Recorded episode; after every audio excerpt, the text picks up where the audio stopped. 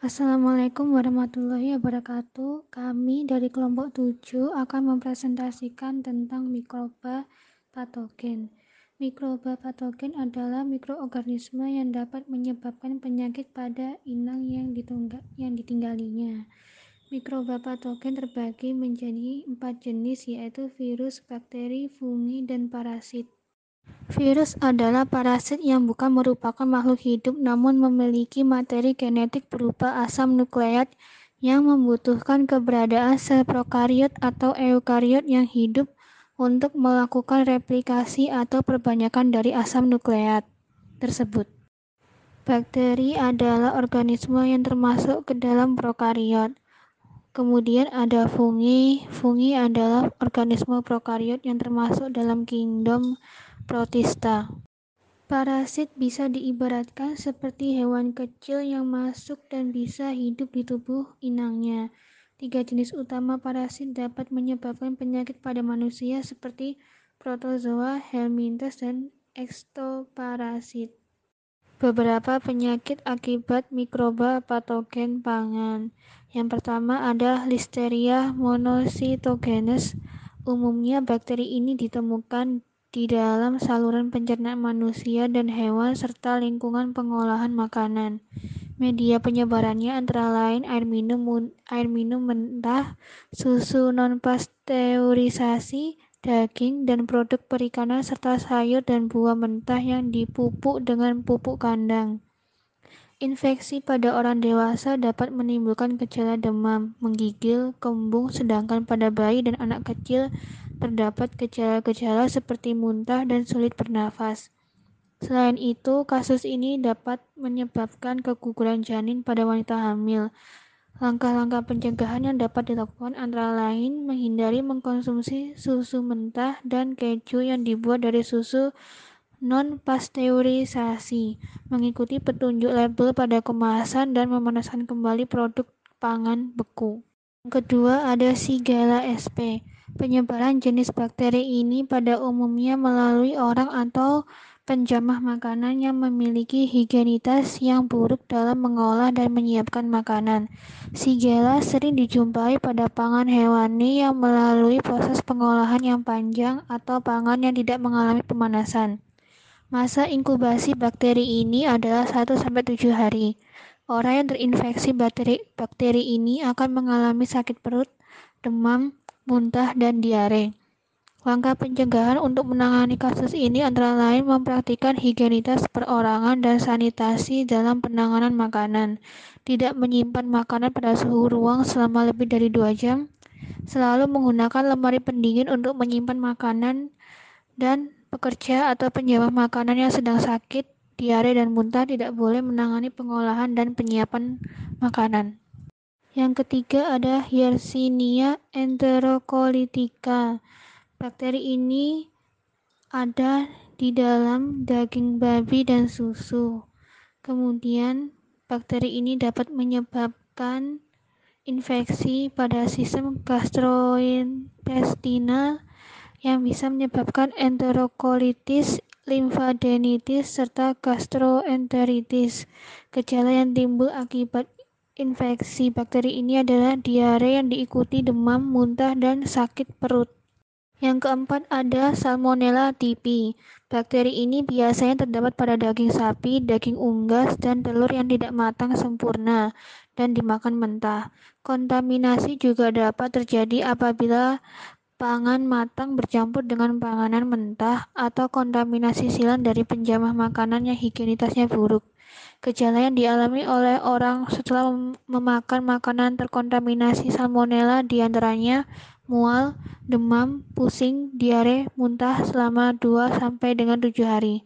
Pencegahan dapat dilakukan dengan memasak makanan sumber protein hewani sampai matang benar. Memisahkan makanan yang telah matang dengan makanan yang masih mentah. Yang kelima ada Escherichia coli. Jenis bakteri ini biasanya menyebar melalui pangan yang tercemar limbah. Hal ini terjadi pada perjalanan pangan mulai dari produksi sampai dengan tahap akhir ke tangan konsumen. Selain itu dapat ditemui pula pada daging yang kurang matang dan susu yang tidak dipasteurisasi. Masa inkubasinya adalah 3-4 hari. Apabila terinfeksi E. coli, penderita mengalami kram perut yang disertai diare, demam yang bisa sampai 10 hari, bahkan perlu ditangani secara serius di rumah sakit. Kejadian yang fatal seperti infeksi saluran urin yang bermuara pada gagal ginjal dapat terjadi bila terinfeksi bakteri E. coli. Beberapa cara untuk mencegah terkena infeksi ini adalah tidak mengkonsumsi air mentah, susu non-pasteurisasi, dan makanan setengah matang. Keenam ada Campylobacter jejuni.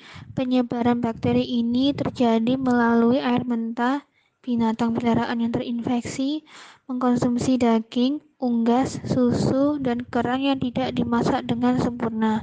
Masa inkubasi infeksi adalah 2 sampai dengan 3 hari dengan disertai gejala-gejala seperti diare, kadang disertai darah, demam, dan pusing yang berlangsung selama 1 sampai dengan 10 hari. Menghindari konsumsi panganan mentah, memasak air minum terlebih dahulu, mengkonsumsi susu yang telah dipasteurisasi dan menjaga kebersihan, serta menghindari kontaminasi silang antara bahan pangan mentah dan matang, selalu mencuci tangan dan menjaga kebersihan diri dan peralatan pangan merupakan upaya yang harus dilakukan untuk menghindari infeksi bakteri ini. Terakhir ada Clostridium botulinum. Jenis bakteri ini paling banyak ditemukan dalam produk pangan kaleng tetapi tidak dengan proses pemanasan yang sempurna.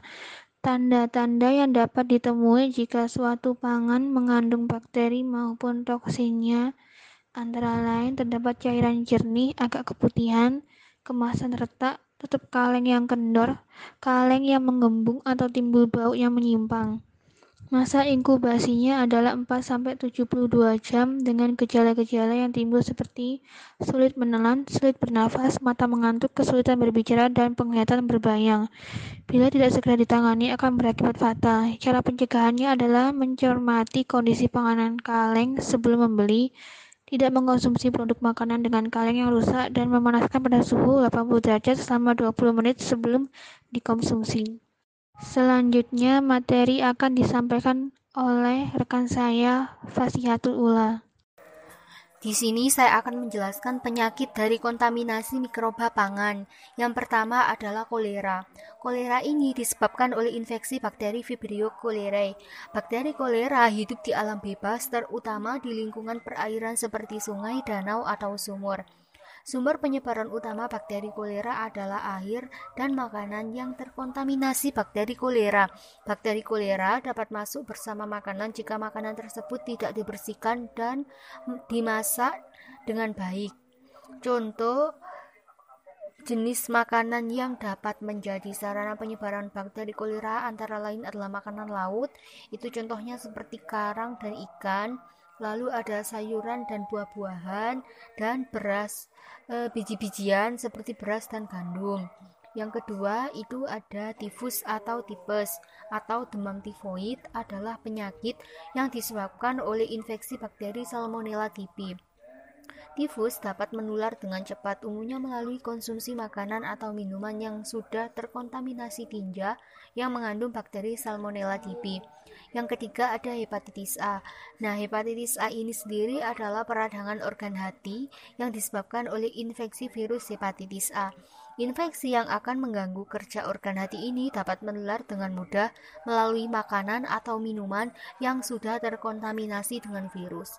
Penyebab penyakit ini adalah virus hepatitis A. Virus ini dapat menyebar dengan mudah melalui konsumsi makanan atau minuman yang telah terkontaminasi tinja penderita hepatitis A. Hepatitis A ini tergolong dalam hepatitis akut, artinya penyakit ini umumnya akan sembuh dalam waktu kurang lebih dari enam bulan. Lalu ada analisa mikroba patogen. Analisis mikroba mikrobiologi patogen melalui pengujian laboratorium. Pengujian laboratorium dilakukan dalam rangka pengawasan mutu secara mikrobiologis untuk menghitung jumlah koloni. Mengisolasi dan mengidentifikasi cemaran bakteri patogen yang mungkin ada. Secara umum beberapa parameter uji mikroba pada pangan terdiri dari uji angka lempeng total, uji MPN coliform, uji salmonella, uji Escherichia coli, uji MPN E. coli dan uji kapang. Yang pertama ada uji lempeng angka total. Nah, uji ini menggunakan metode kuantitatif untuk mengetahui jumlah mikroba yang ada pada suatu sampel. Umumnya dikenal dengan angka lempeng total atau ALT uji angka lempeng total dan lebih tepatnya ALT aerob mesofil atau anaerob mesofil menggunakan media padat dengan hasil akhir berupa koloni yang dapat diamati secara visual berupa angka dalam koloni per ml atau gram atau koloni per 100 ml. Cara yang digunakan antara lain dengan menuang dengan cara tuang, cara tetes, dan cara sebar. Prinsip pengujian angka lempeng total yaitu pertumbuhan koloni bakteri aerob mesofil setelah cuplikan diinokulasikan pada media lempeng agar dengan cara tuang dan diinkubasi pada suhu yang sesuai. Pengujian angka lempeng total digunakan PDF sebagai pengencer sampel dan menggunakan PCR sebagai media padatnya. Digunakan juga juga bereaksi khusus TTC. Lalu yang kedua ada uji MPN coliform. Bakteri coliform adalah golongan bakteri intestinal yaitu hidup dalam saluran pencernaan manusia. Bakteri coliform adalah bakteri indikator keberadaan bakteri patogenik lain. Penentuan coliform fekal menjadi indikator pencemaran dikarenakan jumlah koloninya masih ber, berkorelasi pasif dengan keberadaan bakteri patogen. Selain itu, mendeteksi coliform jauh lebih lebih murah, cepat dan sederhana daripada mendeteksi bakteri eh, patogenik yang lain, patogenik yang lain. Nah, contoh dari bakteri coliform ini sendiri adalah bakteri E. coli. Prinsip uji MPN yaitu pertumbuhan bakteri coliform setelah cuplikan diinokulasikan pada media cair yang sesuai dengan mengamati adanya reaksi fermentasi dan pembentukan gas dalam tabung turham. Yang ketiga ada uji salmonella.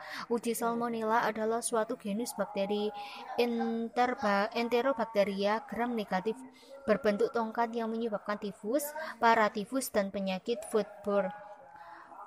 Uh, Lalu yang keempat ada uji bakteri E. coli. Prinsipnya yaitu pertumbuhan koloni E. coli pada media lempeng selektif dan dilanjutkan dengan konfirmasi melalui uji biokimia.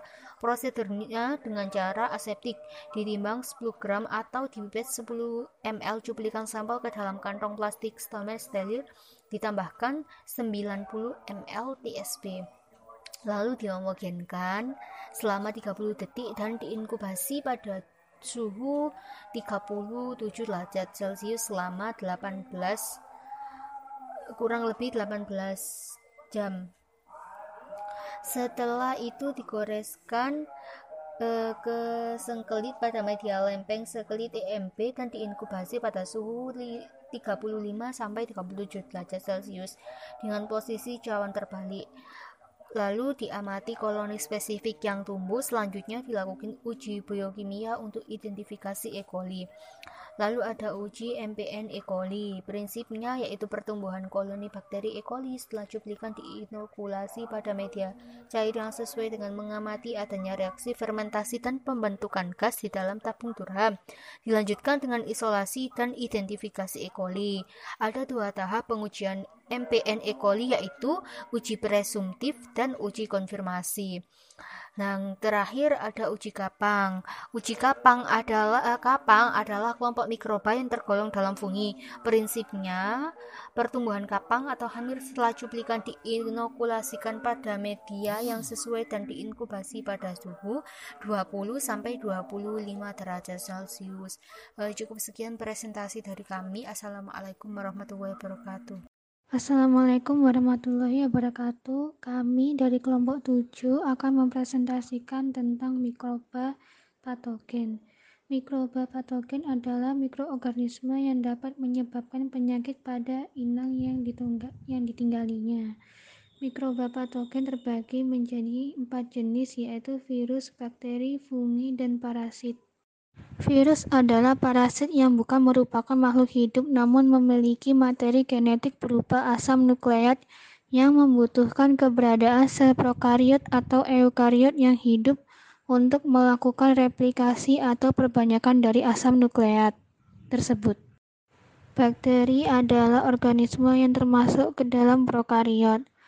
Kemudian ada fungi. Fungi adalah organisme prokariot yang termasuk dalam kingdom protista. Parasit bisa diibaratkan seperti hewan kecil yang masuk dan bisa hidup di tubuh inangnya. Tiga jenis utama parasit dapat menyebabkan penyakit pada manusia seperti protozoa, helminthes, dan ekstoparasit. Beberapa penyakit akibat mikroba patogen pangan. Yang pertama ada Listeria monocytogenes.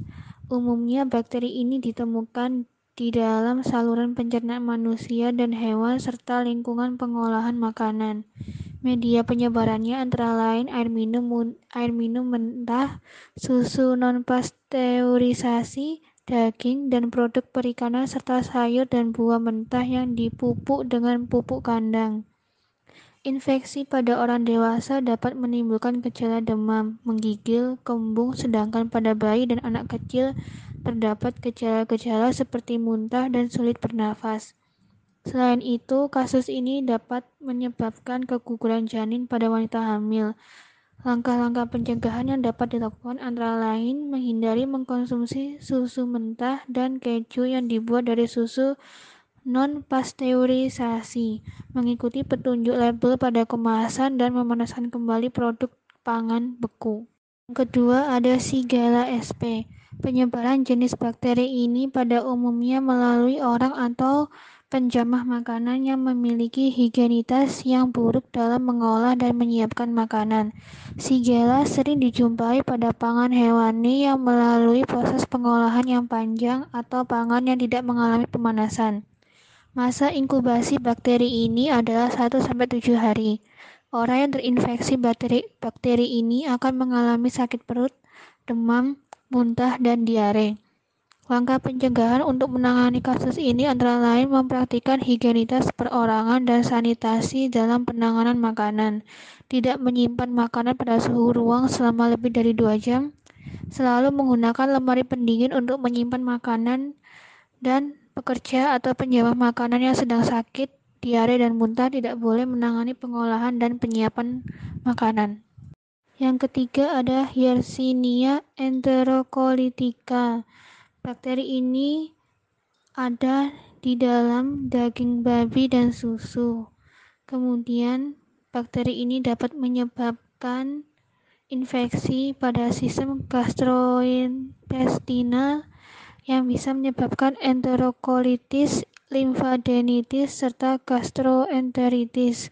Gejala yang timbul akibat infeksi bakteri ini adalah diare yang diikuti demam, muntah, dan sakit perut. Yang keempat ada Salmonella typhi.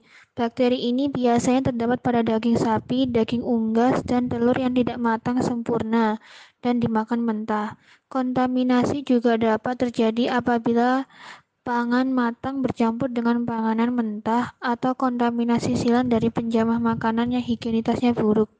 Gejala yang dialami oleh orang setelah memakan makanan terkontaminasi salmonella di antaranya mual, demam, pusing, diare, muntah selama 2 sampai dengan 7 hari. Pencegahan dapat dilakukan dengan memasak makanan sumber protein hewani sampai matang benar. Memisahkan makanan yang telah matang dengan makanan yang masih mentah. Yang kelima ada Escherichia coli. Jenis bakteri ini biasanya menyebar melalui pangan yang tercemar limbah. Hal ini terjadi pada perjalanan pangan mulai dari produksi sampai dengan tahap akhir ke tangan konsumen. Selain itu, dapat ditemui pula pada daging yang kurang matang dan susu yang tidak dipasteurisasi. Masa inkubasinya adalah 3-4 hari. Apabila terinfeksi E. coli, penderita mengalami kram perut yang disertai diare, demam yang bisa sampai 10 hari, bahkan perlu ditangani secara serius di rumah sakit. Kejadian yang fatal seperti infeksi saluran urin yang bermuara pada gagal ginjal dapat terjadi bila terinfeksi bakteri E. coli. Beberapa cara untuk mencegah terkena infeksi ini adalah tidak mengkonsumsi air mentah, susu non-pasteurisasi, dan makanan setengah matang. Keenam ada Campylobacter jejuni. Penyebaran bakteri ini terjadi melalui air mentah, binatang peliharaan yang terinfeksi, mengkonsumsi daging, unggas, susu, dan kerang yang tidak dimasak dengan sempurna. Masa inkubasi infeksi adalah 2 sampai dengan 3 hari dengan disertai gejala-gejala seperti diare, kadang disertai darah, demam, dan pusing yang berlangsung selama 1 sampai dengan 10 hari. Menghindari konsumsi panganan mentah, memasak air minum terlebih dahulu, mengkonsumsi susu yang telah dipasteurisasi dan menjaga kebersihan, serta menghindari kontaminasi silang antara bahan pangan mentah dan matang, selalu mencuci tangan dan menjaga kebersihan diri dan peralatan pangan merupakan upaya yang harus dilakukan untuk menghindari infeksi bakteri ini. Terakhir ada Clostridium botulinum. Jenis bakteri ini paling banyak ditemukan dalam produk pangan kaleng tetapi tidak dengan proses pemanasan yang sempurna. Tanda-tanda yang dapat ditemui jika suatu pangan mengandung bakteri maupun toksinnya antara lain terdapat cairan jernih agak keputihan, kemasan retak, tutup kaleng yang kendor, kaleng yang menggembung atau timbul bau yang menyimpang. Masa inkubasinya adalah 4-72 jam dengan gejala-gejala yang timbul seperti sulit menelan, sulit bernafas, mata mengantuk, kesulitan berbicara, dan penglihatan berbayang. Bila tidak segera ditangani akan berakibat fatal. Cara pencegahannya adalah mencermati kondisi panganan kaleng sebelum membeli, tidak mengkonsumsi produk makanan dengan kaleng yang rusak, dan memanaskan pada suhu 80 derajat selama 20 menit sebelum dikonsumsi. Selanjutnya materi akan disampaikan oleh rekan saya Fasihatul Ula. Di sini saya akan menjelaskan penyakit dari kontaminasi mikroba pangan. Yang pertama adalah kolera. Kolera ini disebabkan oleh infeksi bakteri Vibrio cholerae. Bakteri kolera hidup di alam bebas, terutama di lingkungan perairan seperti sungai, danau, atau sumur. Sumber penyebaran utama bakteri kolera adalah air dan makanan yang terkontaminasi bakteri kolera. Bakteri kolera dapat masuk bersama makanan jika makanan tersebut tidak dibersihkan dan dimasak dengan baik. Contoh Jenis makanan yang dapat menjadi sarana penyebaran bakteri kolera antara lain adalah makanan laut, itu contohnya seperti karang dan ikan, lalu ada sayuran dan buah-buahan, dan beras e, biji-bijian seperti beras dan gandum. Yang kedua itu ada tifus atau tipes atau demam tifoid adalah penyakit yang disebabkan oleh infeksi bakteri Salmonella typhi. Tifus dapat menular dengan cepat umumnya melalui konsumsi makanan atau minuman yang sudah terkontaminasi tinja yang mengandung bakteri Salmonella typhi. Yang ketiga ada hepatitis A. Nah, hepatitis A ini sendiri adalah peradangan organ hati yang disebabkan oleh infeksi virus hepatitis A. Infeksi yang akan mengganggu kerja organ hati ini dapat menular dengan mudah melalui makanan atau minuman yang sudah terkontaminasi dengan virus. Penyebab penyakit ini adalah virus hepatitis A. Virus ini dapat menyebar dengan mudah melalui konsumsi makanan atau minuman yang telah terkontaminasi tinja penderita hepatitis A. Hepatitis A ini tergolong dalam hepatitis akut, artinya penyakit ini umumnya akan sembuh dalam waktu kurang lebih dari enam bulan. Lalu ada analisa mikroba patogen. Analisis mikroba mikrobiologi patogen melalui pengujian laboratorium. Pengujian laboratorium dilakukan dalam rangka pengawasan mutu secara mikrobiologis untuk menghitung jumlah koloni mengisolasi dan mengidentifikasi cemaran bakteri patogen yang mungkin ada. Secara umum beberapa parameter uji mikroba pada pangan terdiri dari uji angka lempeng total, uji MPN coliform, uji salmonella, uji Escherichia coli, uji MPN E. coli, dan uji kapang. Yang pertama ada uji lempeng angka total.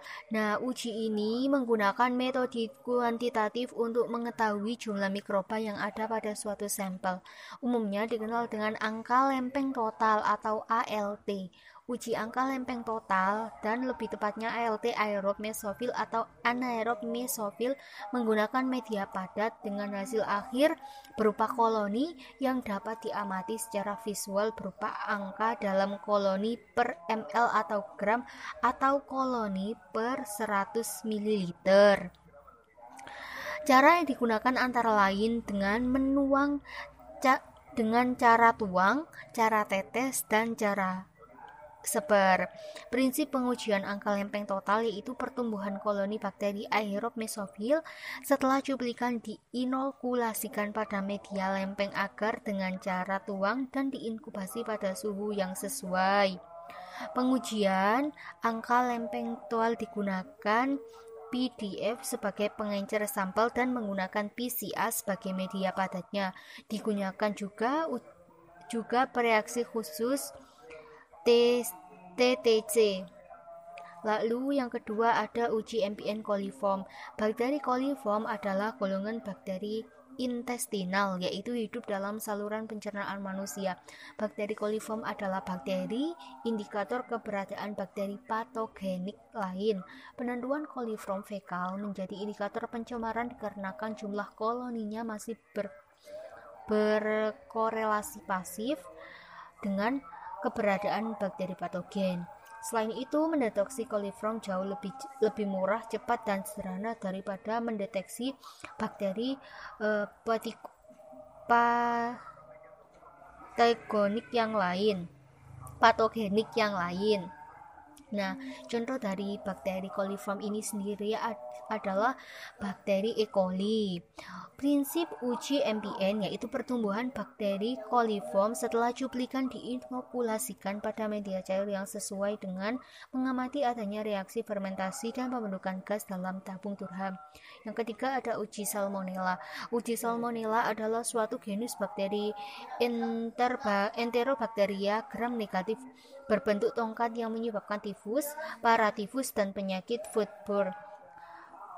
Uh, Lalu yang keempat ada uji bakteri E. coli. Prinsipnya yaitu pertumbuhan koloni E. coli pada media lempeng selektif dan dilanjutkan dengan konfirmasi melalui uji biokimia.